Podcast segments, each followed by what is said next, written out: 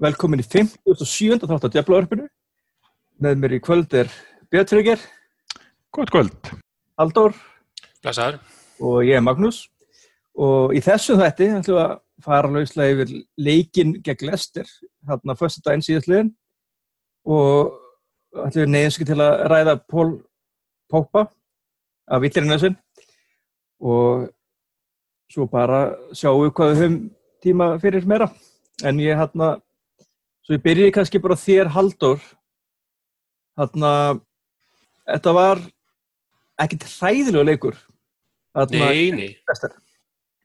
Þetta, maður svona átt ekkert von á einhverjum, einhverjum flugöldasýningu þannig lagað með við allt og allt, sko. Þannig að ég var bara, veist, þetta var aðalega spurningum að ná í þessi þrjú stig og það tókst og það var óþálega tæftan í lokin en, en mér fannst svona, þú veist, að meðan staðan var 1-0, það var ekkert, það var ekkert mörg, það var ekkert mörg augnablika sem að manni, maður svitnaði eitthvað yfir þessu. Þannig að, hérna, þú veist, teki ég að þurfti eitthvað tvisvar að verja eða eitthvað, en annars var þetta nokkuð traust bara og svona það má alveg kvart yfir einhverju fram á við en, en svo má líka bara þú veist, það má líka líta á jákvæðu punktana og það var til dæmis miðjumennir eins og Pereira var flottur og Fred kom skemmtilega inn og hérna, og Pogba var náttúrulega frábær Luke Shaw, mjög skemmtilegur þannig að hérna, þú veist bara fyrir því hvernig, hvernig væri blínir á þetta sko. Þetta var uh, mörguleitið svolítið líkuleikur sem við leikjum í fyrra. Sem sagt, marki kom, United rúsu svolítið tilbaka og það var fínt að fá mark nr. 2. Það hefði ekki verið gaman að fá jöfnunumark frekar en það var 2 þannig að mörguleitið mjög líkt á því fyrra en liðið svolítið ríkaði en þá mér fannst þetta mörguleitið bara ágætlega að spilaði leikur. Það var svolítið verið að tala um það að Alexis hefði verið, hefði nýtt illa þegar hann var með boltan og maður tók alveg eftir því að suma sendingarna voru alveg út í hött hjá honum en, en á móti kemur að svo þegar sendingarna tókust á skopuður oftar en ekki mikla hættu þannig að hann er svo leiti mikið í því sem ég veit ekki hvað Mourinho er hrifin af Hann náttúrulega, sko, Víti kemur upp úr skoti frá honum og hann býr til fjögur færi fyrir samherja sem er það næst mesta sem nokkur leikmaður gerði um helgina. Það var bara, hann hérna, það var Kristján Eriksen og hann Hóales, ég man ekki hvað hann heitir, en það var allavega bara tvei leikmenn sem voru með fimm færi sköpuð. En, en svo voru þetta sko eins og með þetta þegar hann misti boltan náttúrulega eitthvað æfintilega oft þar sem að boltin var, annarkvæmst var að miðsefnu sending hjá hann eða að maður hyrstur af hann boltin og það var alveg oft sem að manni fannst sendingin bara kæruleysislega hjá hann en svo var það oft líka sem að var kannski, hann fekk ekki náðu mikla hjálp, hann var að hlaupa eitthvert og reyna að koma boltanum áfram. Og það var, hann var tví og þrý dekkaður og fekk enga aðstof frá samverjunum. Það var svona, veist, það var ekki þetta endilega að kenna hann um alltaf um það að hann misti boltan svona oft. Þó að vissulega koma alveg mómenta sem að maður gætt uh, bent á hann hefði, hefði átt að gera betur. Þannig að þetta er svona, þú veist, jújú, hann getur að spila betur en það er samt eitthvað jákvæmt við það þegar á átt í rauninni heilt yfir ekkert það góðan leik en býð samt til fullt af færum og, og í rauninni færð vítið sem að kemur United yfir hann í byrjanleiks. Þannig að það er allan að, það er allan að jákvæmt, en svo er bara spurning, þú veist, hvort hann fari, geti farið að fara að spila betur eða hvort, að, veist, hvort hann sé bara ekki að fara að fitta inn í þetta lið. Það kemur þá bara í ljós eftir því sem líður á, á, á tímabilið. Já, þetta kemur smá orð af því að manni fannst það nú betri í undirbúningsleikunum, en svo áður örglega eftir að breyta nú kemur Lukaku inn Hann, líka var spila, hann var líka að spila eins og öðru sér stöðu. Þarna var eins og núna þurft hann í rauninni að vera sá sem að hjælt breyttinni meira. Hann var ekki, fekk ekki að vera í eins miðsvæðis eins og hann var til dæmis mjög mikið í, í hérna, æfingatíma, á æfingatímabilinu. Þá var hann oftar en ekki annar af tveimur sem var að spila fram á við og, og var í allt öðru sér stöðu þar. Og núna var hann einhvern veginn að sá það líka á svona stöðukortum sem síndu meðal stöðu leikmanna þá var, var engin breytt hægra meginn því að Mata var alltaf að leita inn. Þannig að þá í rauninni var líklega upplegið það að Sanchez væri þá meira að, að spilin á breyttina vinstra meginn og það kannski heftir hann eitthvað ómikið eða þá kannski var hann bara komin í ómikið stuði að spila á miðjumvellinum frekar þannig að kannski, kannski þarf hann einhvern aðlöðuna tíma fyrir það. En hann, er það góðu leikmæri, ég veit ekki hvort að það ætti að skipta það miklu máli sko. en það allan afsakar ekki það þegar maður til dæmis að gefa bara líðlega sendingar.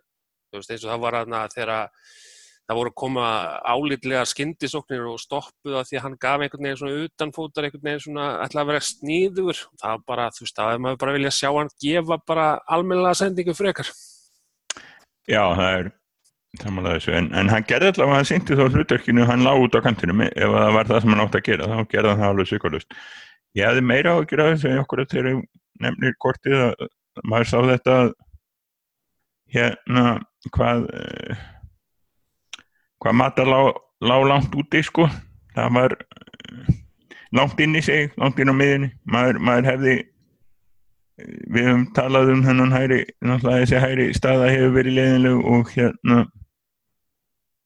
Mata var ekkert að gera til að hjálpa okkur að setja okkur við það að hann væri þannig á kantinu þannig að ég við sjáum til hvernig verður núna. Þetta, þetta verður allavega eitthvað að gera vegna þess að það var engin, það var engin á hægri kantinum þannig að meðaltali. Verður ekki hérna verður ekki gera ráð fyrir að Jesse Lingard verður hérna ef þetta verður takt uppleikið? Eða hvort þetta hefur bara nöðsynlegt uppleik fyrir þennan leik? Það er þá náttúrulega spurning hvort að gæti, ef það er þryggja manna miðja, hvort að einhver af miðjumönunum gæti í rauninni farið út á kantinn það hefði þá verið fredd þarna í þessar aukstillingu svona, þú veist, overlappað því, svona frekar heldur en kannski að því að, þú veist, Darmian var ekki að fara að gera það eitthvað sérstaklega vel, sko. Guðmund Góður, hvað hann var slagur í svona leik? Hann var, hann var mjög slagur, sko. Þannig að hérna, þú veist, kannski væri þetta að gera einhvern veginn þannig, en ég veit ekki, kannski kannski voru við bara sátti með þetta þannig. Mér fannst þetta mata eftir þessi leiðarleikin sérstaklega eins og í setniáleik, þá fannst mér hann komast meira inn í leikin og, og hérna það var áhugavert að sjósaði eftir leikin til dæmis og náttúrulega átti flottan leik að, að veist, marki kemur upp úr því að hann tekur spretti fram af því hann sér að mata kemur inn völlin inn að miðjunni með boltan og þannig að upplegi hefur verið það að veist, það væri merki fyrir hann að hann mætti bomba fram á við sko, ef hann sægi það.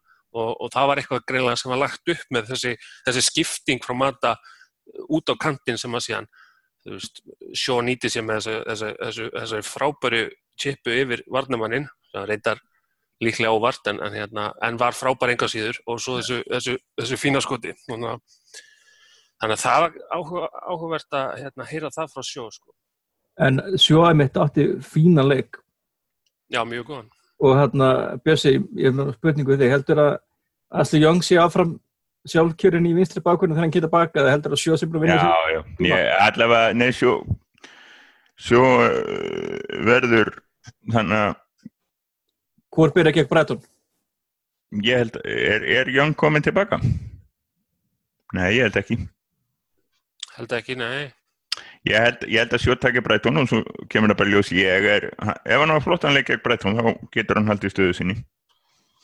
Það verður búið gaman. Það verður búið fínt ég veit það ekki.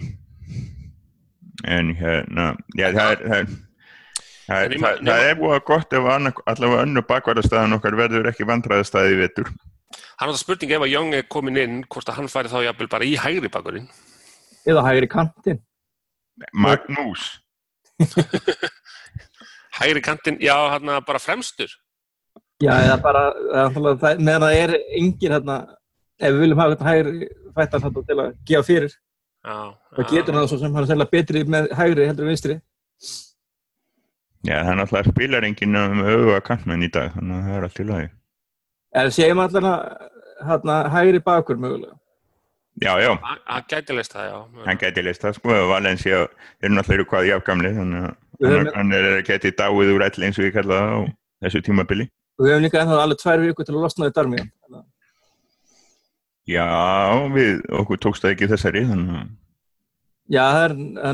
Hann verður þá lánaður eða eitthvað, það verður eitthvað bara til að losna við hann á sveðinu. Það er eitthvað sem segir mér það, ég held að hafi, hvort það hafi verið þarna sjálfka eða eitthvað þýskalandi eða séum núna mörg ennskliði búin að hafa samband að reyna að koma leikmannum í burtu. Voru þeir ekki að, hverju voru að selja mann á... Þeir voru, að selja varnamann til París. Já, það ekki, 30 miljónum punti eitthvað rúmlega það. Jú, eitthvað svona. Þannig að það verður eitthvað. En ég sé ekki, já, já, Darmian geti ég veit ekki, mér finnst það ekki nógu spilandi fyrir Þýskaland Já, mér er alveg. Bara, ég veit ekki, ég veit ekki hvernig Sjálki spilar en, en, en með hvernig Darmian er þá finnst mér hann ekki sko með hvernig Þýsku liðin eru flest að spila sko fótboll í dag, þá er Darmian alls ekki með þá, þá leikaðileika Er það ekki bara þeirra vandamál? Jó, ég menna þeir taka hann þá ekki Já, ég menna það. Já. mm. Ég menna allt kemur í ljós, það eru tvær, eins og þú segir tvær vikur eftir á klukkanum það er, kannski að láta hann, ef, ef hann sækir um Portugals ríkisfang, þá getur við kannski offlota hann um að Wolves. já, það væri hugmynd En það er plan B.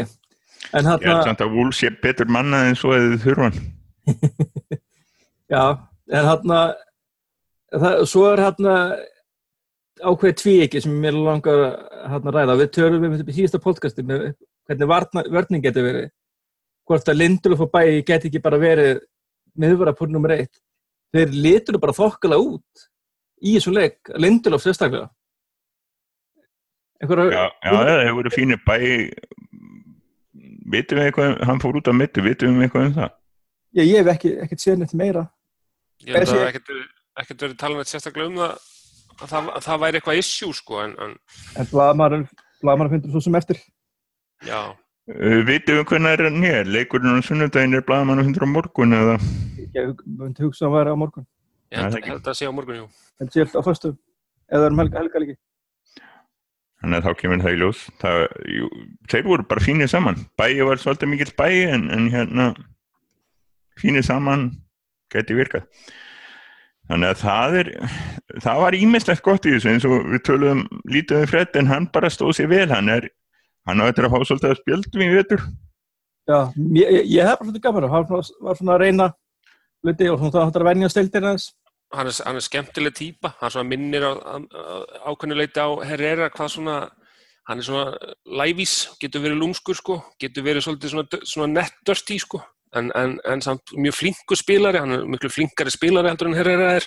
Og hérna bara flott að sjá til dæmis bæði hann og, og Pereira og náttúrulega við vitum með Pogba sko að þeir svona, þú veist, þeir geta alveg sett í það bara spila mikill yfirvegun og halda boltanum og, og leita að sendingum sko svona þræða í gegnum anstæðingin sko, þannig að þetta, er ekkit eitthvað þú veist, þetta er ekkit endilega bara að lúðra boltanum fram eða senda hann aftur á, á, á miðverðin alltaf skilur sem að uh, sumi, sumi varnamenn, nei miðjumenn eru, eru mikið í þannig að þetta er svona þú veist, ef þeir ná að smetla með það saman þá getur þetta búið upp á mjög skemmtilegt spil sko. en, og svo svona voru þeir að reyna ymsjálf hluti í skyndisóknum sem að gekk ekki alltaf upp en, en mann finnst það sumt að þessu sem þeir voru að reyna sem að gekk ekki upp að það, það sé eitthvað sem geti komið bara þegar leikmenn eru farin að þekka hvern annan betur. Þannig að þetta er svona þú veist, maður það er alveg potensial í þessu sko, alveg klárlega. En það er náttúrulega að maður hefði kannski vilja sjá liðið sko svona eins og 75 mínútur hérna millið tilþrjóa eða hvað það var hérna í, í leiknum. Uh, hérna hvað það var 60-70 mínútur. Að, að að fá betra spil það er svo leið og við komum þetta yfir og við byrjum svo vel. Og fáum það víti og skorum og strax bara eitthvað með verður spilið bara neikvægt og leiðalegt þú veist á heimavelli Já, það er ekkert nýtt þar. En ég er, svona maður horfir eins og við erum að fara yfir einstakar leikmenn þeir stóðu sér flestið vel, með var fín Pogba, Pogba og mjög góður Fred, mjög, mjög á, mikil ákæði í spilinu hann og þetta er að aðeins að slípast og ég held að neyja þetta að geta eins og haldur að tala um geta farið miklu meira fram. Og svo var Andreas rosa fín. Já, ég glem, ég langaði með að tala um hann, ég var mjög hrifin af honum. Ég, ég, ef að, þetta er það sem er hérna framöndu, þá get ég alveg síðan taka Ég Matits verður ekkit það verður ekkit vandamál að kvíla Matits enna mitturinn sko Nei, og Matits getur bara, bara, bara verið mætt bara feskur, ekki verið að spila hálf mittur eins og að gera í fyrra. Nei, nákvæmlega. Og svo til dæmis Matits og, og Andreas sem tekja manna miðja það er það er líka en þá ertu líka verið að sko með sama mannskap það bara er hægt að þá getur við með Pogba framar Pogba framar, hann getur sko þeir geta droppað aftur Pogba framar það er alls konar til í þessu sko. þannig að ég held að ég held að það verði miðjan verði minna vandamál heldur en að sko sem þetta þessi koll eftir að hafa kemd miðjumann ég hef engar áhyggjur að þessu úr þessu Nei, svo er alltaf eigin í fella inn í og þannig að ég Já, við eigum inni núna fella inn og Matic og, og þannig að það er bara fínt. Þá erum við fimm menn hann í þrjástöður í þrjástöður í þrjástöður á miðina Nei, og, og allir ná, svona á fjórum alveg vel þess virði að geta að hugsa spyrinlismenn eins og staðin er núna. Já, já, klálega sko. Þannig að þetta er sko út frá mannskap og hvernig menn stóðu sig þá vonbreiðin voru náttúrulega eins og þessu Darmian gæti náttúrulega ekki neitt fyrir ekki nótt. En Nei, hérna það var að vona að myndi mögulega gera eitthvað efna svo sem bjóst ekki við nei, en uh, Markus Rassvort var ekkit ægilega góður í þessum leik. Nei, hann hann virðist ekki alveg veit alveg hvernig hann á að vera þegar hann að spila på topp.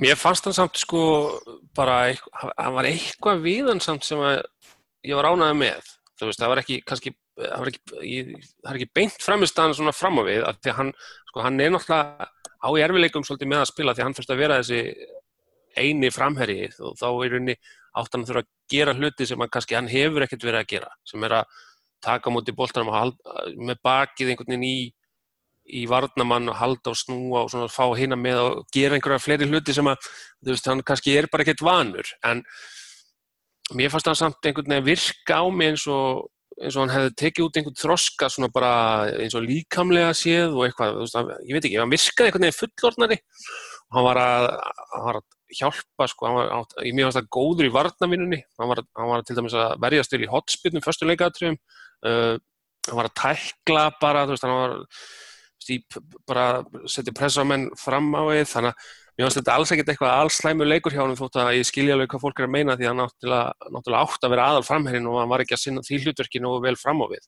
sem er, sem er mjög stór mínus þegar, þú ert eini framherrin sko. en, Já. en, en mér fannst samt það er eitthvað sko, að ég veit að þú veist, maður er alveg að sé, sjá svona ummæli frá stuðnismönnum, jafnveg stuðnismönnum United þar sem þeir segja sko bara já, já þetta veist, þessi Rashford er pínu ofhæpaður, hann er ekki það góður og hann ætti, ætti álíklega eftir að enda í Sönderlandi eftir tvö ári, eða skilur eitthvað svona einhverju svoleiðis liði, kannski ekki Sönderland núna en Sönderland eins og það var þegar allir voru að fara þanga um, svona nýja, hvað er nýja Sönderland fyrir United leikmenn? Wolves, Já, samt, samt já, allan að hann West Ham. Fulham kannski, eitthvað, ég veit ekki. Ham og Everton. Já, hann ætti eftir að enda í einhverju svoleiðis félagi. Mm Mhm. maður, er að- er sjá svoleiðis komment ég, ég, ég ætla ekki að, að er, er, er hann orðin tvítugur? hann er, er hann ekki týtur er hann 97 eða 98 Ég held að það sé 98 Já, nei, nei, auðvitað, það er auðvitað rétt sko, en, en hann, hann er 97, hann verður 21 núna í oktober Já, þetta er náttúrulega engin aldur Þetta er það. fárulegt fárulegt sko. svo vil ég líka til að nei, vera nei, en það, það, það, það er þá kannski bara þú veist, en til að vera að sængja þá var spilamennskan ekki að, hjá mönnum aftan en ekki að búa til mikið að hjálpa um að því hann er ekki leikmann eins og Lukaku, hann er ekki jafn sterkur. Nei, nei, en það er kannski einmitt eins og þú veist þá uh, hefði kannski eins og Lukaku hefði þá, þú veist, þegar það vart með þrjá frammi og einn af þeim er alltaf að koma inn á við eins og mata þá kannski eins og Lukaku er mjög gjarn á að, draga sig út. á kantin á móti og, og Lingard gerir það þótt að hann sé nú sjálfnast eitthvað fremst í maður.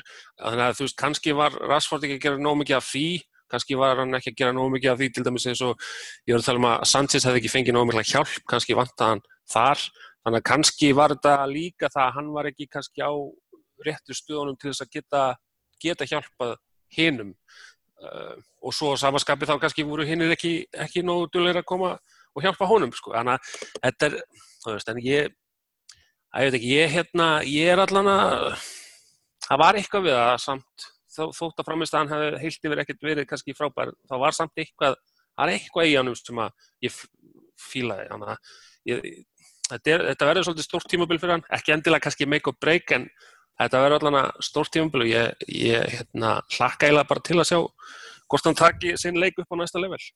hann, hann þarf að gera það svolítið og hann þarf að bara reynlega að challengea Lukaku gera, gera tilkast til þess að fá fullt af leikjum nema hann verði að challengea, þú veist, nema hann verði Sanchez? vinst, vinstri, já, eða Já. Sanchez færi sig verði miðsvæðis, þú veist, kannski þú veist, ég veit ekki alveg hvernig það væri best að Við taka erum hvort að það væri væri alltaf. Já. Það er bara spurning hvernig við geta að spila hana.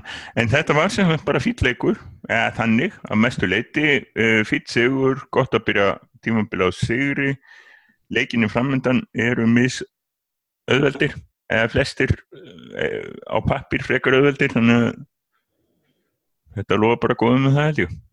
Já, svo hann árum fyrir mig hann hann Pogba okkar, hann á umræðinu, það er náttúrulega öruglega eitthvað skoðanur því.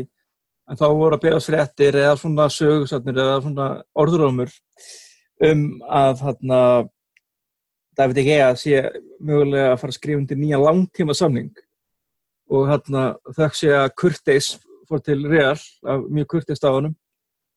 Og hann þar að leiðandi verður þessi þe- þessi zombi orðurómur um DG til Real þagnar hann allar næstu tíu árin vonandi.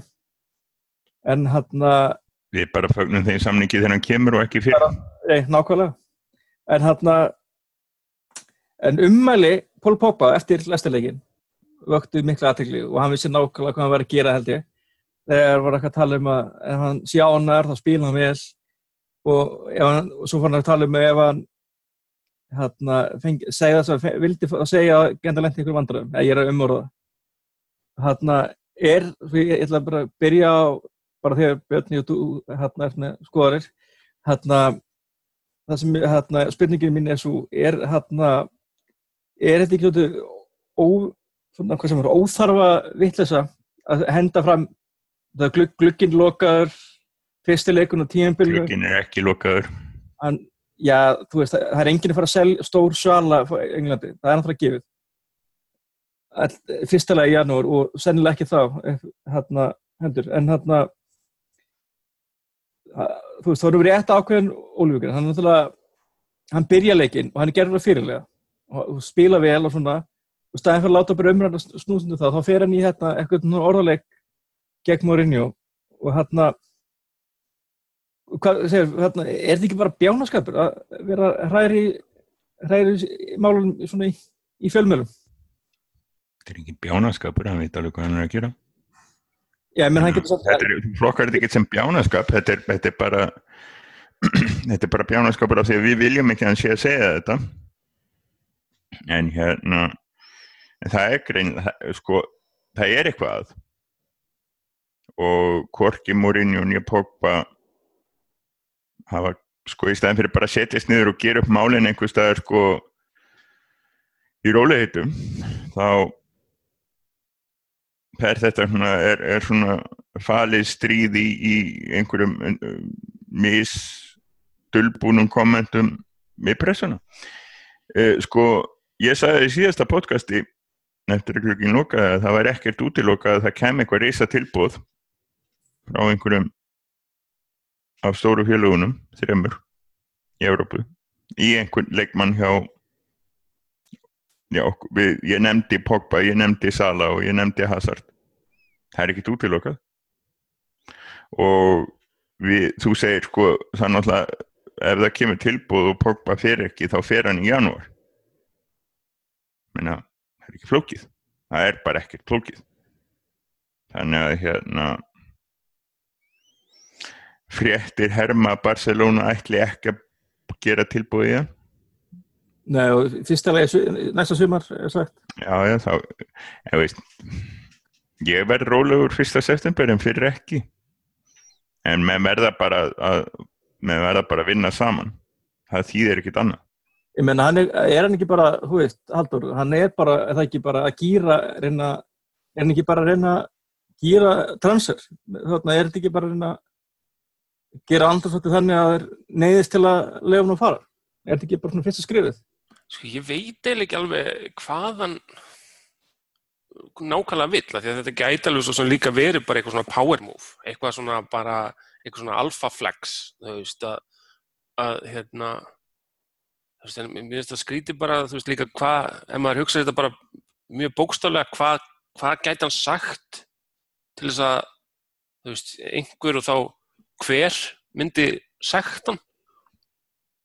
Þú veist, hvað, hva, að því menn er eiginlega sektar fyrir, þú veist, ég veit ekki hvort menn séu sektar fyrir bara eitthvað að vera óanæðir, þú veist, að menn þurfa að segja eitthvað, þú veist, það þarf að vera eitthvað svolítið, svolítið mikið, sko, til þess að það fari út í það. Þannig að ég, þú veist, ég, ég held að það hafi ekki verið þannig, þannig að við, þetta er eiginlega áhrifaríkara eldur en ef hann hefði sagt það sem hann sagði ekki. Af því að, þú veist, ég efast um að það hefði verið það dramatíst að hann hefði í alvörinu verið sektaður. Nefna náttúrulega hans hefði sagt, sko, ég vil fara til Barcelona, geri tilbúðið mig. ég veit ekki hvað þetta er. Nei, nei, þetta er, þetta er líka, já, þetta, þetta er nokkuð gott, sko, þetta er, þetta er ákveðat svona verið að í að einhvern hlutum að þess að þurfa að segja þú beint út og, og að þess að þurfa að segja eitthvað frá ákveð. Ég... Já, þetta er nefnilega, þetta, er þetta er miklu áhrifaríkar að nákvæmlega svona að setja þetta upp þannig að þú veist þá getur hvaða lesandi sem er og hvaða áhörfandi sem er hvort sem hann er á bandi United eða ekki hvort sem hann er Mourinho fan eða ekki og sérstaklega ef það er ekki þeir geta farið að búa til all, alla mögulegar aðstöður í, í, í, í hausnum sko. Og svo mína kannski var þetta bara ekki það að mér finnst það endilega líklegt en kannski var þetta bara hans leið til þess að dissa útvart fyrir að ná eða þú veist, þú veist þess vegna sko, mér finnst það mjög ólíklegt en þú veist að því að, að hann saði ekki beint út þá, þá í rauninni vitum við það ekki nákvæmlega þótt að við auðvitað, getum alveg sagt að við séum 95% vissur um hvað hann á við sko. en, en hérna þú veist mér, já, og svo náttúrulega þessar frétti sem komum að hérna, veist, það hefði verið eitthvað á æfingum og það náttúrulega kemur frá sorpriti sem við tökum takmarka marka á fyrir þessar fréttinar í, í, í virðulegri fjölmiðlum og það náttúrulega Og svo ég eitthvað tala um það að fylgst með æfingum og það hafi ekki verið Nei, nei, þetta neitt, líka ekki verið neitt af þannig að það, samt, það var samt áhugavert með það að, að þú veist, hafa verið alls konar fréttir einhvern veginn, þú veist, sem hafa verið í gangi og, og bara í slúðublöðunum eða í mismundi blöðum og svona. En það, svo kom þessi frétt og strax þá brást félagi við bara með því að setja bara bengt í einhvern fréttamann og skæ, bara heyrðu, þú veist félagi er mjög ósátt með þennan fréttaflutning. Þetta er alveg bara alls ekki rétt. Það, þeir, þeir, þeir hafa ekkert verið vanið því að bregða þeir, jú, þeir hafa verið að lega út einhver og einhver eitthvað svona strategíst sko og hafa, eru reyndar það er, það er svona að byrja að koma í andlita á þeim ef eitthvað er, það er, hafa verið að koma fréttir um að, eða pistlar um það að hérna, að það sé svo augljóst hvað United er að gera, þeir sé að reyna að breyta neikværi umræðu í, sér í hag og hérna, þú veist en þeir séu farinir að sjá í gegnum það sko. Eins og það var ekki, hver var það, var það Kevin Palmer? Já, Kevin Palmer sem var með síðustu greinu þetta. Já, að því að eftir, eftir síðasta, eftir þarna síðasta sem kom frá útvart sem var þarna síðasta brífing Við þurfum að fara að finna þýðing á brífing vegna þess að útví er alltaf að þessu. Já, Já það er hérna, langar að hérna, hérna, gefum smá svona hérna, setjum pásu á Pogba í öllum þá hérna og kemur hérna bara hvað daginn eftir að glukki lokar kemur leki frá útvart það sem kemur henni fram bara á svartkvítu hversu augljóslega fyrtur hann er þegar kemur að styrkja þetta lið. Mm -hmm. hann er að tala um sko að hann er basically verið að reyna að fjarlæga sig frá Mourinho og setja sökina á hann sko. En tala um að hann hefur verið til í að kaupa varan á 100 millir punta í fyrsta lagi var varan að vera heimsmestari og er búin að vinna meistaldeitin á þrjú orði rauð og hérna, þú veist, hann hefði kostið miklu verið 100 miljónir Já, líka bara líka, Fyrir utan það hann er ekki nátt frá Já, líka, líka bara þetta sem að stóði þessari samantæktana eða briefing, að það hérna að, þú veist, að hann að Woodward hefði hitt, uh, hvað var það, Peres í, í morgunmatt bara eitthvað fyrir nokkrum viku síðan til þess að spjalla um það að kaupa varan. Bara, þú veist var, var hann ekkert búin að gera neitt fyrr í sumar var þetta fyrst núna bara eitthvað, já, hérna eftir háum, heyrðu þessi var angur, jú, hann er fint, sko, kannski fara, þú veist, kannski fara aðtöða með hann eitthvað, þú veist, varst ekki búin að, þú veist, þú veist, búin að bara hafa allt sumarið, sko, þú veist, bara svo, þú veist, þetta er svona, hann er að reyna að láta sig og stjórnina að líta betur út, en, þú veist, hann lítur enginn eitthvað sérstaklega vel út í þessu, sko. Nei, það fólk fór bara alveg bara hlæga útvart, það fór, það fór en hérna Björn, þú, hérna, við höfum mikið að tala um leikmannaköpnum Mourinho og að tala um að þeir vilja ekki kaupa eitthvað 29 ára eitthvað. Og svo var eitthvað að byrta törðun yfir þá leikmenn sem að Mourinho, aldrei á leikmenn sem Mourinho er búin að kaupa til United. Það eru tveir 29 ára, 1.34 ára sem náttúrulega var Zlatan og frí transfer sem var no-brainer. Og svo voru eitthvað 22 og 30 restin af... Já, sko það sem við erum að tala um þar er að í fyrra snýrist allt um Perisic sem er 29 ára og hann var ekki keiftur uh, í sömar virtist hellingur snúast um uh, Tobi Aldir Veireld sem er 29 ára. Og það sem gerist er það að hann fær ekki að kaupa þessa 29 ára. Og í þessu briefing frá Woodward sem er auðvitað beintur á Woodward þarf ekki að ræða. E, það þarf að ræða vegna þess að sko við höfum tekið eftir því að, að það er erfitt stundum að, að greina milli hvað, hvaðan fréttin að koma hvort það er slúður. En þegar kemur svona Woodward briefing sko þá byrtast þá kemur Guardian og Telegraph og Manchester Evening News allir helstu United blæðmennir þeir koma með þessar fréttir ekki sko ekki slúðublaðmennir ekki oft independent líka með því jú, það jú, þessi fjóru einhverju svona. Og hérna þá er þetta augljóslega beint frá Woodward. Uh, orðalagi var stórfurðulegt. Það var eins og að vera í að því að við verðum að skipta út fimmt, okkar fymta bestamanni fyrir tóttina fymta bestamann Tóbi aldrei verið meira svona fymti besti í deildinni frekar en eitthvað annað.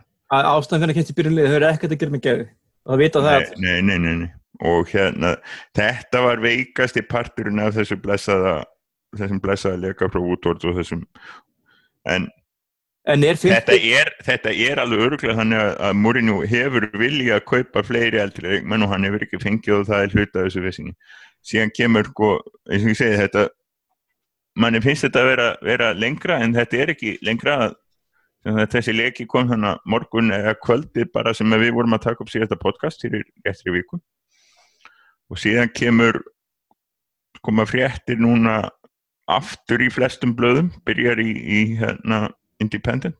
Var það ekki, var ekki Mikael Delaney fyrst með með direktor og fútbólpælinguna Já, technical director eins og það kallaða Já, technical director. Sami hluturinn. En jú, ég held, ég held að hann hefði komið inn með þetta, Svo kom það í öllum blöðum þannig að menn voru greina búin að ringja og, og þá kemur þetta sko ég menna við töluðum um þetta í kortir á á fimmtudagin var og, og, og við viljum þetta og nú voru komin einhver nöfn. Það er Monki náttúrulega sem er nýkomin til Róma. Það var vist einhver prósess sem tók heil langan tíma þannig að hann var svo mikið laus í suma en eh, það er talað um þennar sem er með ennska landsliði núna og frá sem þetta alla unglinga hópa á allt saman heila klappið og var hjá Sándon og Tottenham.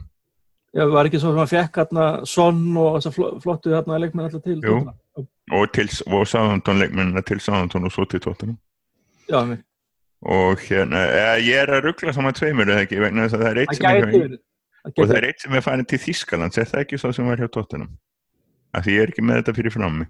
Jú, heitir það? Það voru tveir allavega, tveir breskir þannig að nefndir Monkey og, og svo einhver fleiri og, og hérna og það var nú svo góð grein í, í dag sem við lagum kannski fylgja í kommenti eða með botinu ef ég finna ná eftir að þá var verið að tala um svona tjóseg og, og hvernig hann hefur haft það með hérna þessum direktors og fútból sem hann hefur þurft að það var einmitt þegar það var ráðinn direktor og fútból til Chelsea að hann var farin Mikael Emanuelo að Jose var farin fjórum mánuðu senna uh, síðan legt hann Reka Valdano frá Real Madrid í Powerplay og þegar hann var hjá Inder þá fekk hann að kaupa fylgt að 30 leikmannum en það skildi hann með Inder sko á hjánum það var reyndar eitt sem við tölum aldrei mikið um en hann skildi eftir Inder Indelið mjög aldrað.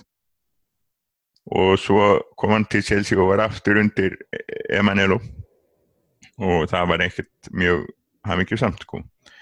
Þannig að allt í unni talaðum direktor og fútból en samt verið að tala um að það er að býða eftir uppværslu á Carrington eða einhverju sem er búið að vera í pípunum í fimm á alveg gjör svona óskiljanlega pælingar sko að segja já við ætlum að, við ætlum að ráða teknikal direktor en við ætlum fyrst að stekka völlin á Carrington og Málan og Guðmáðu um, ég meina hvað máli fyrir það fyrsta hvað máli og öðrulega, hvers vegna ef þið er, að búið að býða eftir einhvers líku ákkur að leka núna? Er það til að önsettla sem það setja tjósi úr jafnvægi eða hvað í úskopunum er það? Og svo náttúrulega byrti náttúrulega fréttu og þú maður allir gera það að Cindy Sutton hefði áhuga á að taka Manchester United. Þetta hljómar því keimri tí, síðan tímpunni sem vangal þegar komið fréttur um að Mourinho hefði áhuga að taka við United. Já, og, var, og fann gæl greið að dead man walking í, í, í fimm mánuði Erum við að horfa fram á Er, er útvöld að gera það sama aftur? Teknikur af, af þessum að fá hann hérna ja, fútbóldirektor eða direktor af fútból eða hvað við það? Og, síðan í sama pakka Ég meina útvöld þetta er ekkit leðinlegt sko Ég meina ef þú ert búin að vera eldast við allar helstu stjörnur heimsins og, og geta keift Pogba og Lukaku og, og nærði ekki að kaupa neina stórstjörnu hversin ekki að fá stórstjörnu sem þjálfóðara En hérna, ja. mér langar að henda frá meðni spurningu, segjum sem svo að við ráðum síta og hérna, segjum svo að við fyrir að spila sóknubólta en verðum í fjörða og fymta seti við spilum sem skemmtilegur hópólta en álungarsminni hópólta Mikið munur á fjörða og fymta Já, hann er eru við með hóp í eitthvað svona sítan Madness. Madness, já, já, já, já við getum alveg spila betri bólta En hann myndi vilja fórna með örugum meðstæðarfjöndarsæti og fyrir maður skemmtilegri aðeins skemmtilegri leiki og kannski opnari en ekki endilega árungusríkari Haldur, hver er þín skoðan? Sko, ég það er einhver romantík við að auðvitað fá sítaðan sko og maður setur ákveðin spurningamerki við það að því að veist, hann gerði alveg frábæra hluti með Real Madrid. Og bara verður ekki að tekja á hann Í, í, í mistandöndir?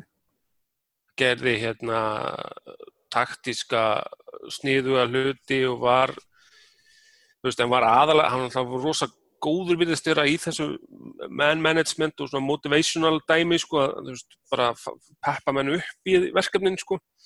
Þannig að þú veist, bara það að hafa sítan og vera að spila fyrir sítan það hlýtur einhvern veginn að hafa áhrif sko, þú veist, maður veit til dæmis að, ég held að þú veist, Pól Pogba myndi alveg öruglega að hafa gaman að því að spila undir hans stjórn sko og hérna, það væri þá líklega ekkert mikið powerplay í gangi frá Pogba um það að verða eitthvað meira alfa heldur en síðan sko. En, Þú ver, verður bara, verður bara, ekki, þú verður bara valla mikið meira alfa dút heldur en síðan Já, en hann einhvern veginn líka virðist ekkert þurfa sko, þú veist flexa það sko, hann, veist, hann er ekkert hann var ekkert hann er alveg alfa. Ég, hann líka, þú veist, eins og þarna hjá Real sko, hann var ekkert eitthvað, hann fór ekkert í einhver, eitthvað fús en veist, hann er alltaf hætti, það er ástæð fyrir hann hætti sko, en, en veist, hann hefur bara sína leið til að díla við það og það virðist vera svona minna hvað segir maður, minna hérna uh,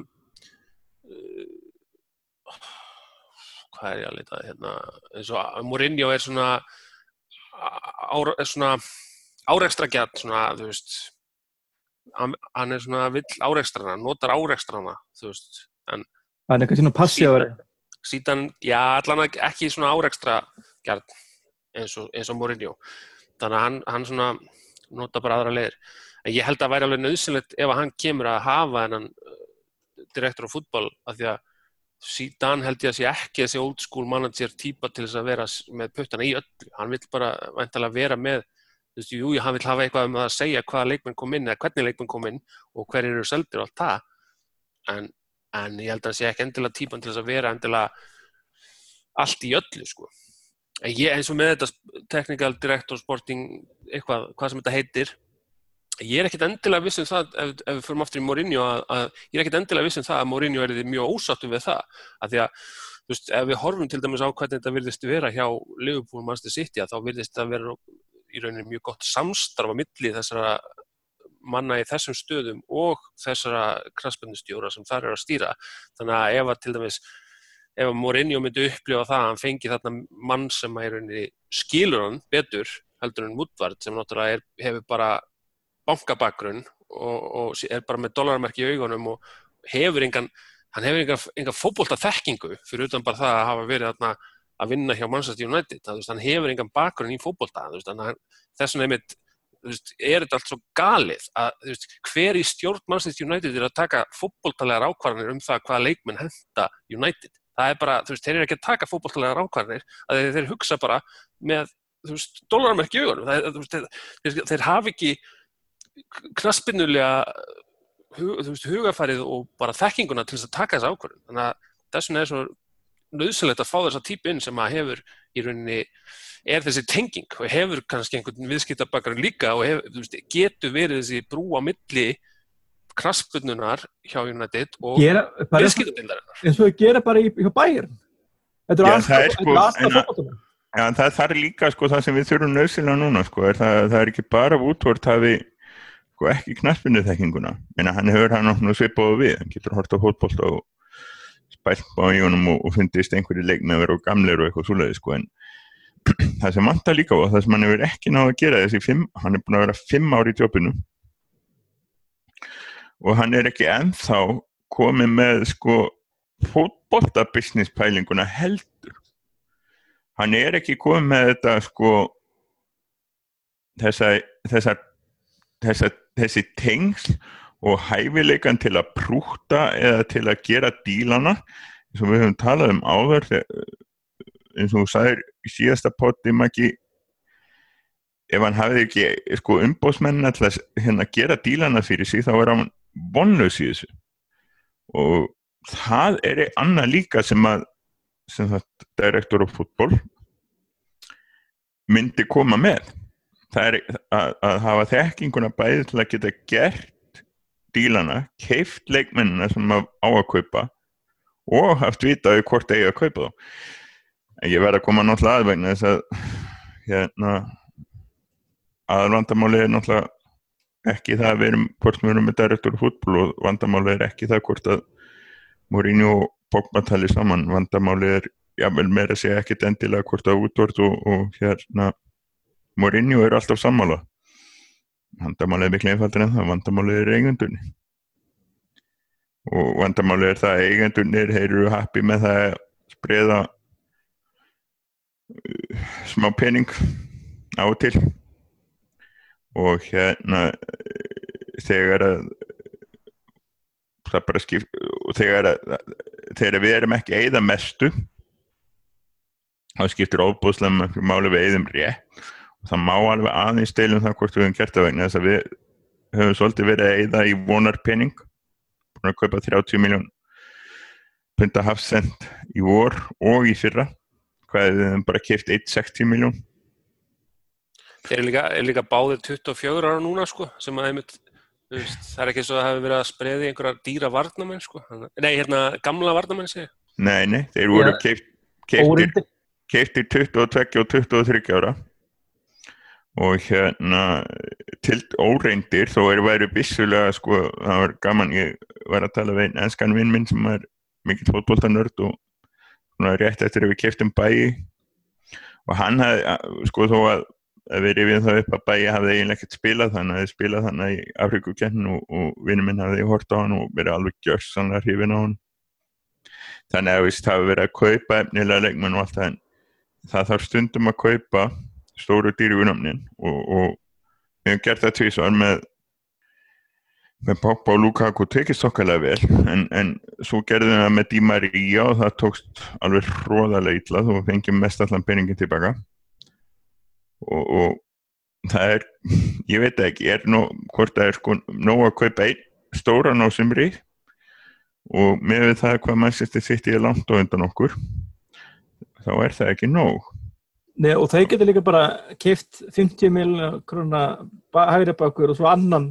Annan. og þeir, þeir geta keift leikmenn sem eru kannski, það munar um sko, þó að munir kannski ekki nema það er auðvitað að segja, það munar ekki nema það munar eitthvað alveg 150 miljónu og tekur eitthvað ákveði tímabil sem var að skoða svona, við með 390 og þeir með 550 miljónu og það munar okkur um þetta, þeir bæði keift aðeins fleiri leikmenn og svo geta þeir keift um leið og kaupið 10 miljón punta leik, dýrari leikmenn í hverju einustu stöðu þá er miklu betra lið. Þannig að Uh, það er alveg á hreinu. Ég ætla ekki einhvern veginn að de, láta deilu það. Gleisirannir eigendur United eru ánæðið með vengarbyggjarinn þeir vilja landi í fjóðsæti um, þeim er ekkit agalega þeim tætti gaman líklega að komast í fjörðungsúslit í mestaradeildinni það, var, það er hugsaði um lámarki, það var svolítið lélægt að þetta út strax í annar umferð þannig í vetur. En hérna líka, líka eins og eins og, eins og eins og það gerðist líka það eins og það gerðist, það var alveg skelvilegt en hérna ég meðan meðan að markmiðin er ekki að ofbóðslega skýrum það að við eigum að verða meistarar það, það skiptir ekki einhvern máli. Ef að markmiðin eru það óljós að það sé í lægi að verða í öðru og þrjú og fjörðsæti ekki endilega, já við ætlum nú að verða meistarar en það er hittilega markmiðin að verða meistarar setjum þá peninga í það til að gera okkur á meisturum setjum peninga í struktúrin sem þarf til að gera okkur á meisturum. Það er það sem ég held að vanti og, og það er held ég það sem að sé vandamál. Ég er alveg, algjörlega sammála því sko að það er bara þessi, þessi svona stefna bara, þessi langtíma stefna að þú sjáir í rauninni þú sjáir í rauninni framtíð félagsins jafnvel eftir að núverandi stjórir hættur. Að, að, að það sé, veist þessi skýrt svona hvað á hvaða línu félagið er og það hefur bara verið náttúrulega þessi fimm ár, þetta hefur bara verið þess og grus og siksak og ekkert í gangi neitt svona stefnufast sem að sé, þú veist. Og þá er einmitt spurning, þú veist, ef að til dæmis næsti stjóri sem kemur eftir Mourinho, hver, hver sem það verður hann fær vantalega upplöðan hóp en það getur verið að það sé einhvern veginn hópur sem að virkar ekki eins og ef það væri Pochettino. Pochettino fyrir að kaupin slatta leikmunum til að passa inn í sinn stíl veist, hvað, hvað, hvernig hann vil spila sko. þannig að veist, hann geti alveg látið liðið spila einhvern veginn öðru síðan hann, hann myndi þá alltaf vanta svolítið upp á sko. þannig að þú veist, eru þið með í huga hvernig það yfirfærist eða hvað, þú veist, þannig að en ég veit að ég, ég vilast ekki hafa, hafa neitt, neitt, neina langtíma pælinga með það sko, þannig að, þú veist en það er þá að, þetta er þá gríðilega mikilvæg ráning, þessi, þessi ráning á, á direktor á fútból, af því að það er þá einhver sem á eftir að hafa í rauninni stærn, kannski meirum það að segja hvert United stefnir heldur en Mourinho og Woodward í rauninni og jafnveg stjórinn sem kemur á eftir Mourinho Ég er tilbúin að taka kippu á fyrsta hlustandan sem vil taka það á móti mér að, að það verði ekki búið að ráða direktor á fútból fyrir 15. mæ næstkomandi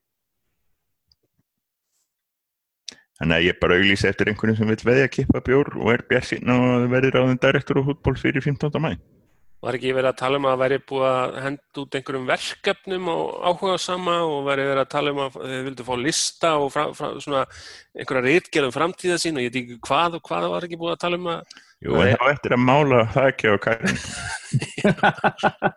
og hérna breyta, var, átti ekki að breyta einhverju skipuriti og eitthvað, það var eitthvað svoleiðis, endur hann eitthvað... Jú, það var eitthvað í þessari frétt sem ég las í dag, það sem við verið að tala um það verið að auglýsa starf sem að í raun og veru er gamli, það sem hétt alltaf í gamla daga hérna rítari félagsins sem að var sko rítari var alltaf doldið mikill.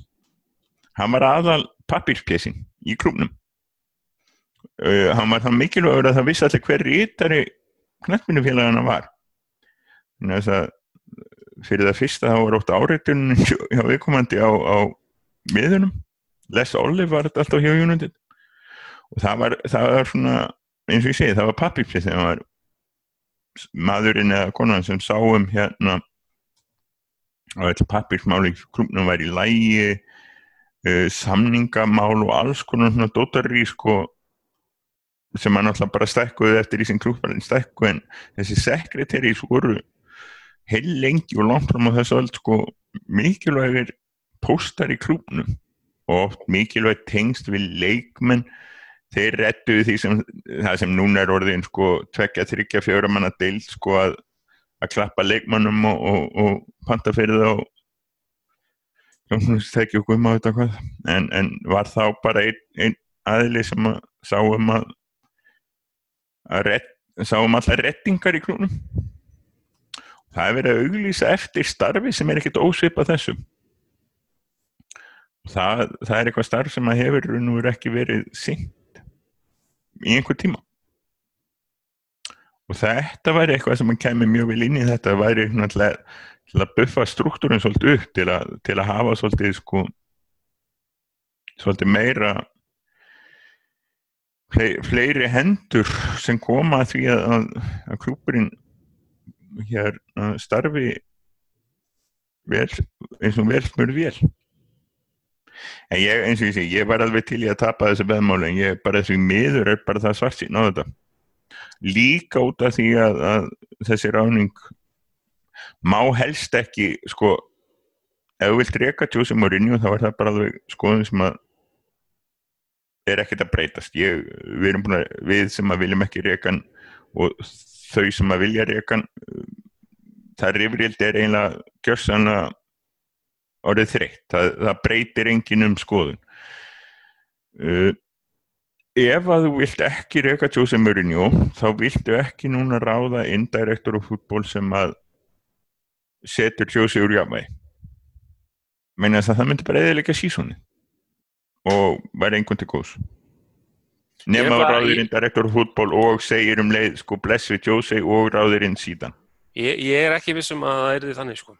Ég er ekki vissum að, að þú veist eins og til dæmis Mórinni og sagði það um daginn að, hérna, að, að hlutverk stjórnana væri að breytast og þeir væri í rauninni orðni meira svona eins og head coach og, og þetta element með það að ef hann fengi, fengi manni í rauninni til að vinna með sér þótt að teknaði sig að væri hann kannski yfir honum sem að væri þú veist myndi deila því að deila sko svona fókbólta fókbóltanum með Mourinho sko. Þannig að þá gæti hann í rauninni lítið á þetta þannig að hann væri að fá mann með sér í liði sem gæti haft meiri áhrif veist, á stjórnina og útvart til að sannfara það um hvaða menn væri best að fá, fá inn. Og þá er rauninni maður sem geti komið ef Mourinho kemur og segir já, hérna, ég vil kaupa þennan, þennan 29 ára gamla varnamann hérna, sem kostar 100 miljónir að þá geti veist, þessi típa sem er, sem er í rauninni bara með puttan veist, alla vikuna í því að, að finna leikmenn, hann getur þá sagt ok, það, þessi er líklega ekki doable en við erum með hérna þessa típu, þessa típu, þessa típu. Veist, við getum þá komið með það á móti og það verður þá þú veist að því sko að því að það verður þá ekki út frá þessu sömu sjó, sjó, sama sjónarhóttni og, og útvart og stjórnin koma sem þeir vilja fá einhvern einhvern svona stórt nafn sem selur vel heldur væri það þá ákvörðum sem væri tekin út frá því þetta er svipu típa af leikmanni og þú vilt við getum fengið þennan skiljur. þannig að ég er ekki vissum að yrði endilega átomandist þannig að Mourinho myndi líta á það sem þú veist að væri verið að bóla sér út eða eitthvað þannig, ég er ekki vissum að yrði endilega þannig að hann að það myndi þýða endalók Mourinho. Ég, ég, ég sé það alveg fyrir mér geta gerst að, að að hann myndi líta jákvæða mig um að Akkurat sko, það er að segja ef þeir vilja gera þetta, ef þeir vilja ráða þennan mannin þá hljóta þeir að vilja gera það þannig á þennan hátt sem þú lýsir. Já, já, á, þennan, á þann hátt að, að Mourinho takki yfir. Uh, bara til að sé uh, hljóðfest þá fletti ég upp hverju þessi englendikar væru, það eru sem það Dan Ashworth þetta er gaurinn sem er hjá Englandi var hjá Vestbróm hann er teknikaldirektor ennskan knætturins en Paul Mitchell er sá sem var hjá Sáðantón og Spurs og er núna hjá, hjá hérna Leipzig Já, er hann ekki frekar spennandi kostur? Já, ég menna með við það að hérna hann hefur tekið sko þá sem hann kom með til Sáðantón og svo þá sem hann kom með til Tottenham þá þá er það hrikalega spennandi kostur og, og, og Leipzig er náttúrulega eins hérna modern fútból og, og andfútbóltalega já, ég menna það er tradisjón, á þetta undur, hata Red Bull Leipzig að sjálfsögðu en, en það er enginn sem getur anmælt í að þeir eru að gera rosalega flotti í, flotta hluti í leikmannamálunum og, og hérna Er það að selja leikmenn líka á flottum veði? Þeir, þeir eru að taka inn þeir eru að taka inn rosalega flotta leikmenn og gera það ennþá flottar og selja það áfram það er hins vegar bara alltaf spurningin þegar þú er komin sagt, í stæsta klubin að þá hefur alltaf minni, minna svirum í að uh, þróa leikminn það er balans sem er alltaf erfitt að, að hérna, að hafa. En hann ætti allavega að geta þekkt góða leikmenn, það á ekkert að vanta. En svona ára en ég slúta þessari hérna, umræðum yfirmann knæspjöldummála, svo tökum við þetta á íslenskunni, að þarna haldið þið að verði einhver séns að því að þá er áður yfirmann knæspjöldummála að útvart mun ekki reyna eiga loka orðið eða haldið að verði sett skýr mörg hvað þetta varðar þegar það er búið að ráða í starfið að, að þess, þessi maður hafi reynir í loka orðið þegar kemur af transferum innan skynnsalara marka? Bara hlýtur að vera, ég menna að það ræður sér enginn í svoleiði starfnum að sko hann hafi alveg skýr skýr starfsið. Þannig að já, það, og um leið og það fyrir að klikka þá lappar sá maður út.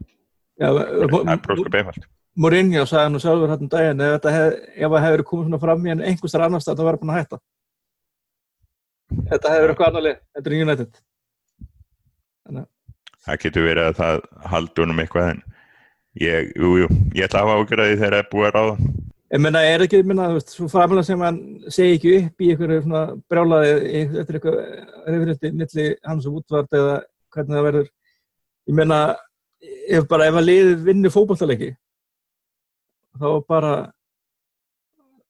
bara þá er hann, það er ekkert að fara að reyka nefn að vinnur leiki. En við, ef við sjáum fram á, með síðan hérna á hliðalínni, hérna, með eitthvað svona power move hérna á hliðilegni, ég veit það ekki. En um leið og við eigum annan desember eins og, eins og ég fyrra eða hérna og hérna kom bara réttibli og sigur og eppur leikið sem eiga að vinnast og verða vonbröði þá er hann alveg ansið heitt indur honum. Og þannig að hann er með ekstra pressu núna þegar það er actually top stjóri sem er á lausu þannig að Þannig að spurning hvað áhrif það hefur á mörgni og hvort það missið það eða fara að reyna eitthvað nýtt eða hvað þarna, hvort það einspæðir hann eða hvort hann gefur bara upp. En, en það er bara umræða sem við erum eiga þegar, þegar. En, þarna, eitt, eitt, samt, eitt samt sem ég var aldrei ánægð með Mourinho var sko, hvernig hann kom inn í leikin af því að maður hefur svo oft séðan svona endilega, þú veist, hann hefur verið órakaður og úvinn og eitthvað en þarna var hann bara komin í jakkaföld og vel greittur, vel rakaður síðustu leikendur á Chelsea var hann bara búin að fara í, í stuðnismannabúðana bara og í vestum og bara, hafa verið að koma á sko fymta fyllir í Já, manni fannst þetta svolítið svona þú veist, það var svolítið eins og hann væri að gefa einhvers konar skilabúð með þessu bara, þú veist, þetta er svona myndi á gamla Mourinho sem var alltaf jakkafata klættur einhvern veginn og, og svona þú veist, ég, ég, ég var svona, mér fannst það svolítið gúl sko. Er það ekki bara að gefa þessu skilabúð, hann sé bara bara, hann, sé til, hann sé tilbúin í þetta sko, núna bara tímbili byrja og nú bara er hann veist. já, ég held að, það verði nákvæmlega þannig sko. vonandi helst það en hann að Haldur, þú veist að þú hann aftur hann árið, þú ætti að gefa það aðeins aftur að því að annar leikur tíumbilsins er á sunnundaginn, en það er annar lið sem er að hefja sína ungu jú, jú og þú ert hérna búin að kynna þér þetta svolítið. Og þú kannski greið okkur frá því? Herru, já, þetta, er, þá er, þetta eru tvei leikir á sunnudagin og þetta er þá í rauninni klukkan eitt þá spilar hvernaliðið sinn fyrsta leik og svo klukkan þrjú að spila kallaliðið annar leikin á, á, í deildinni. Þannig að þetta, svona, þetta passar mjög vel. Reyndar er það þannig að þetta verður sínt sko á BT sport þannig að þetta verður verður þá ekki á, á MUTV til dæmis. En þannig að maður þarf að reyna að finna sér einhver staðar aðganga BT að því að þetta er endalega ekki sínt neins þar í íslensku sjónvarpi. En hérna Nei, nei, menn, menn tekni svona reyndi menn geta alltaf fundið leið. Það má alltaf finna leið sko, lífi finnur leið eins og maður sagði en hérna en þetta er áhugaverið leikur, þetta er náttúrulega byrjar bara á risa slag, þetta er bara Liverpool á útífelli sko.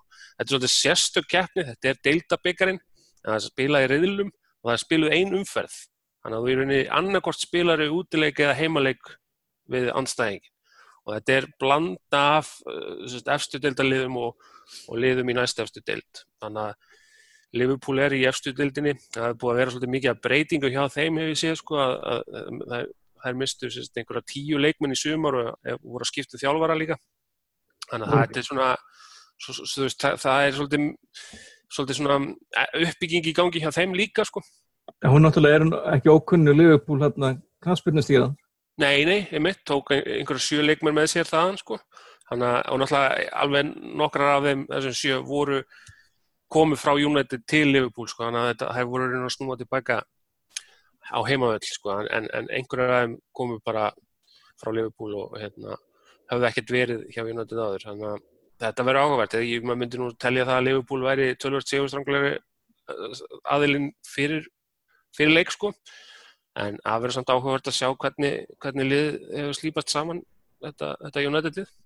Þetta er bara eins og, eins og maðurinn sagði að jour- journey of a thousand miles begins with a single step. Þannig að Já, já, og maður, það er bara búið að vera, maður er búin að sjá að það er búið að vera sko, umfjöllunum í, í fjölmiðlunum úti um þetta, sko, að þetta sé að byrja, þannig að maður svona, hefur, það hefur virkað þannig að þetta sé að verða miklu stærra og meiri, meiri fókus á þessu líka, en það er þetta orðið meiri, þetta er orðið meiri atvinnumennska í þessu og, og eins og sjást á því að, að liðin í annari dildinni, eða næstæfstu dildinni, championship dildinni eru, eru meiri og meiri orðin uh, meiri svona atvinnulið heldur en við voru.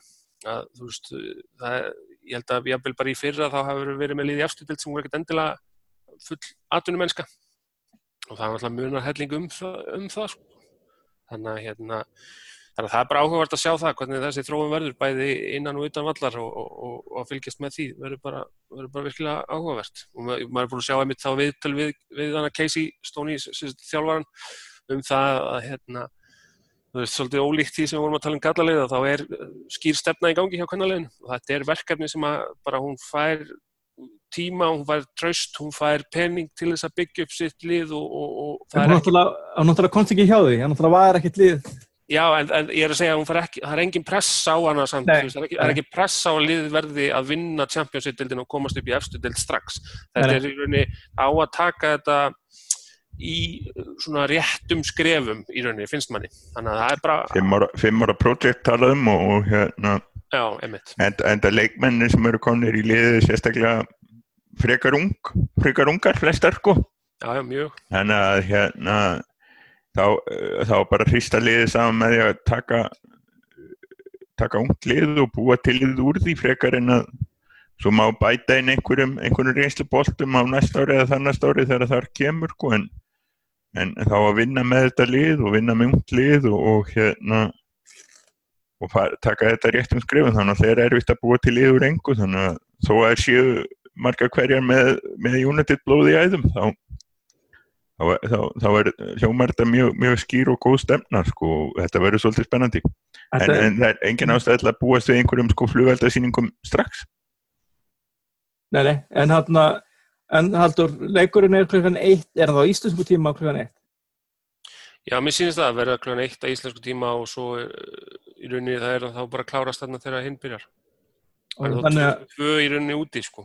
þannig við, við náttúrulega sjálfsögur reynum að einhver, með einhverju móti að sjá hennar leik ef að að, að eitthvað, eitthvað leifir þá, þá hérna reynum við að tala um hann innan stökum Yes. En- en hérna Björn minn, hérna þú ert með leik, hinleikin á sundaginn ég sé um hinleikin uppbytunin kemur á bara lögadaginn og, og þá erum við skoðum við aðeins hvernig Breitón lítur út og, og hvað er að gerast þar. Og síðast töpuðum við fyrir þeim í, í, í leiðinu leiki þessu ömulega vor dæmi sem að vor streði sem að United var í og, og hérna það verður að vera öðruvís á sundag verðum konum með Lukaku og Lingard í, í liðið og, og þeir spila vonandi báðir. Það verður eitthvað öðruvísi. En hérna, mér hérna, hann, Raunólfur skauð því að okkur um daginn að, að hérna, hann er náttúrulega aldrei með þetta podcastum, hann er alltaf með, hann fæðins ekki svona góða hugmyndir fyrir podcastið. Og það var hérna að þegar við kemur upp yttur með það, í staðan fyrir að skýsluhöfundur sé að reyna að giska okkur byrjulega þá getur verið skemmtilega að hafa kannski ykkur umræði um hvernig við höldum að liði lítið út. Þannig að við erum hérna þrýr og hérna, ég kannski leiði þið bara að byrja, menna er ekki, við ekki að við erum fara að horfa á þessum vörð Nei, nei, þetta verður sko já, uh, Jón gæti komið inn fyrir Darmian, annars sömuhör uh, Lingard kemur inn fyrir Mato og Lukaku fyrir Ressort, er þetta gefald? Ég sé enga, ég sé enga ástöðu til að breyta hennu Aldrei að Martial muni koma að fá okkur mínútur í þessum leik eða? Já, mér er á bekknum bara. Já, ég vonum það, það er, vonum það alltaf. Eða hefði einhvern veginn verið leikur sem hefur átt sittan inn þá var hann nú síðast en ekki var það ekki var það raunin. Hann, hann myndist nú á það Mourinho og sérstaklega eftir hann hefði viljað setja hann inn á sérstaklega á meðan staðan var ennþá bara 1-0 og hann hafði bara, hann hafði ekki haft nógu mikla skiptingar af því hann þurfti að skipta út þessum leikmennum sem voru að koma hann inn sem voru ekki búin að fá almeinlega, almeinlega æfingar eins og Pogba og svona sem að í rauninu voru bara alveg búnir sko, hann, hann allan að myndist á Marcial á svona frekar jákaðan átt en, en spila hann með þetta ekki, hann að þú veist, spurning hvað það duga, duga langt En, en, en búið lágærir orðrumar, það er nú ekki búið mikið, eða ekki, ef ég ekki vitnað mikill umræðu um Hann fer ekkert úr þessum, þurfum ekkert það þarf ekkert að ræða það. Þurfum ekkert að eða mínundum í það. Nei. Ég er, svona, ég er eiginlega sammála að bjösa með þú veist liðið að Jóng finnst mér alveg líklegt að koma inn fyrir Darmian en, Ég er alveg að vona að koma inn bara inn bara... Já, ég, ég eiginlega líka en ég, ég gæti alveg séð matta halda sínu sæti sko, að þá í rauninni að eina hinn breytingi væri Lukaku inn fyrir, fyrir Rashford en miðjan myndi halda sér til dæmis En við, við erum, erum við ekki að sjá bara Andreas fá áfram sensin, við erum ekki að fara að sjá Lingard inn fyrir hann er, er ekki Lingard? á bekkin Matits verður á bekknum. Og Lingard, er ekki Matits Nei, Matits er náttúrulega mittur fyrir gefið. Hann verður fráfram meðan september. Lingard verður Heldur þess að Herrera sé líka frá sko. Ég er ekki svona á leiknum heldur. Verður ekki með Fellaini og Lingard á bekknum og Marcial McTominay. McTominay. og Rojo sem er komin í 3.16 menn, menn voru okkar en að lesa úr því en svo er það bara einfallega það að það er treyjunum en að sjá Argentínu og sérlega aldrei verið náttúrulega bara, bara aldrei laus fyrir Nei, nei, þetta bara losnaði núna í sumar. Það var, það var mjög skemmtilegt að lesa smá lesa í út smá samsæðiskenning út úr þessu sko. Ára eðlilega skýringar á þessu. Það er, það, er, það er ekki allt svona það er ekki eitthvað í allu sem betur fyrir það var exhausting. Þetta er nú nógu hérna bara nógu mikið hérna, nálum fyrir. Ah, en hérna ég vil náttúrulega, við endum kannski bara þáttinn á bara að hérna minna á uppbytun gegn breytun sem byrtist á, á lögateginum og setjum því hér með pressu á bjössa þannig að þið getið geti hamraðan á Twitter ef það er ekki komin uppbytun Rekt vandamála að skrifa uppbytun en hann, hann er mjög reyður á mér núna þannig að við hérna ég þakka fyrir samverðana í þessu þetti og svo sjáumstu bara aftur í næstu viku í 15. aftur þetti Takk stokkar Takk, takk. Takk fyrir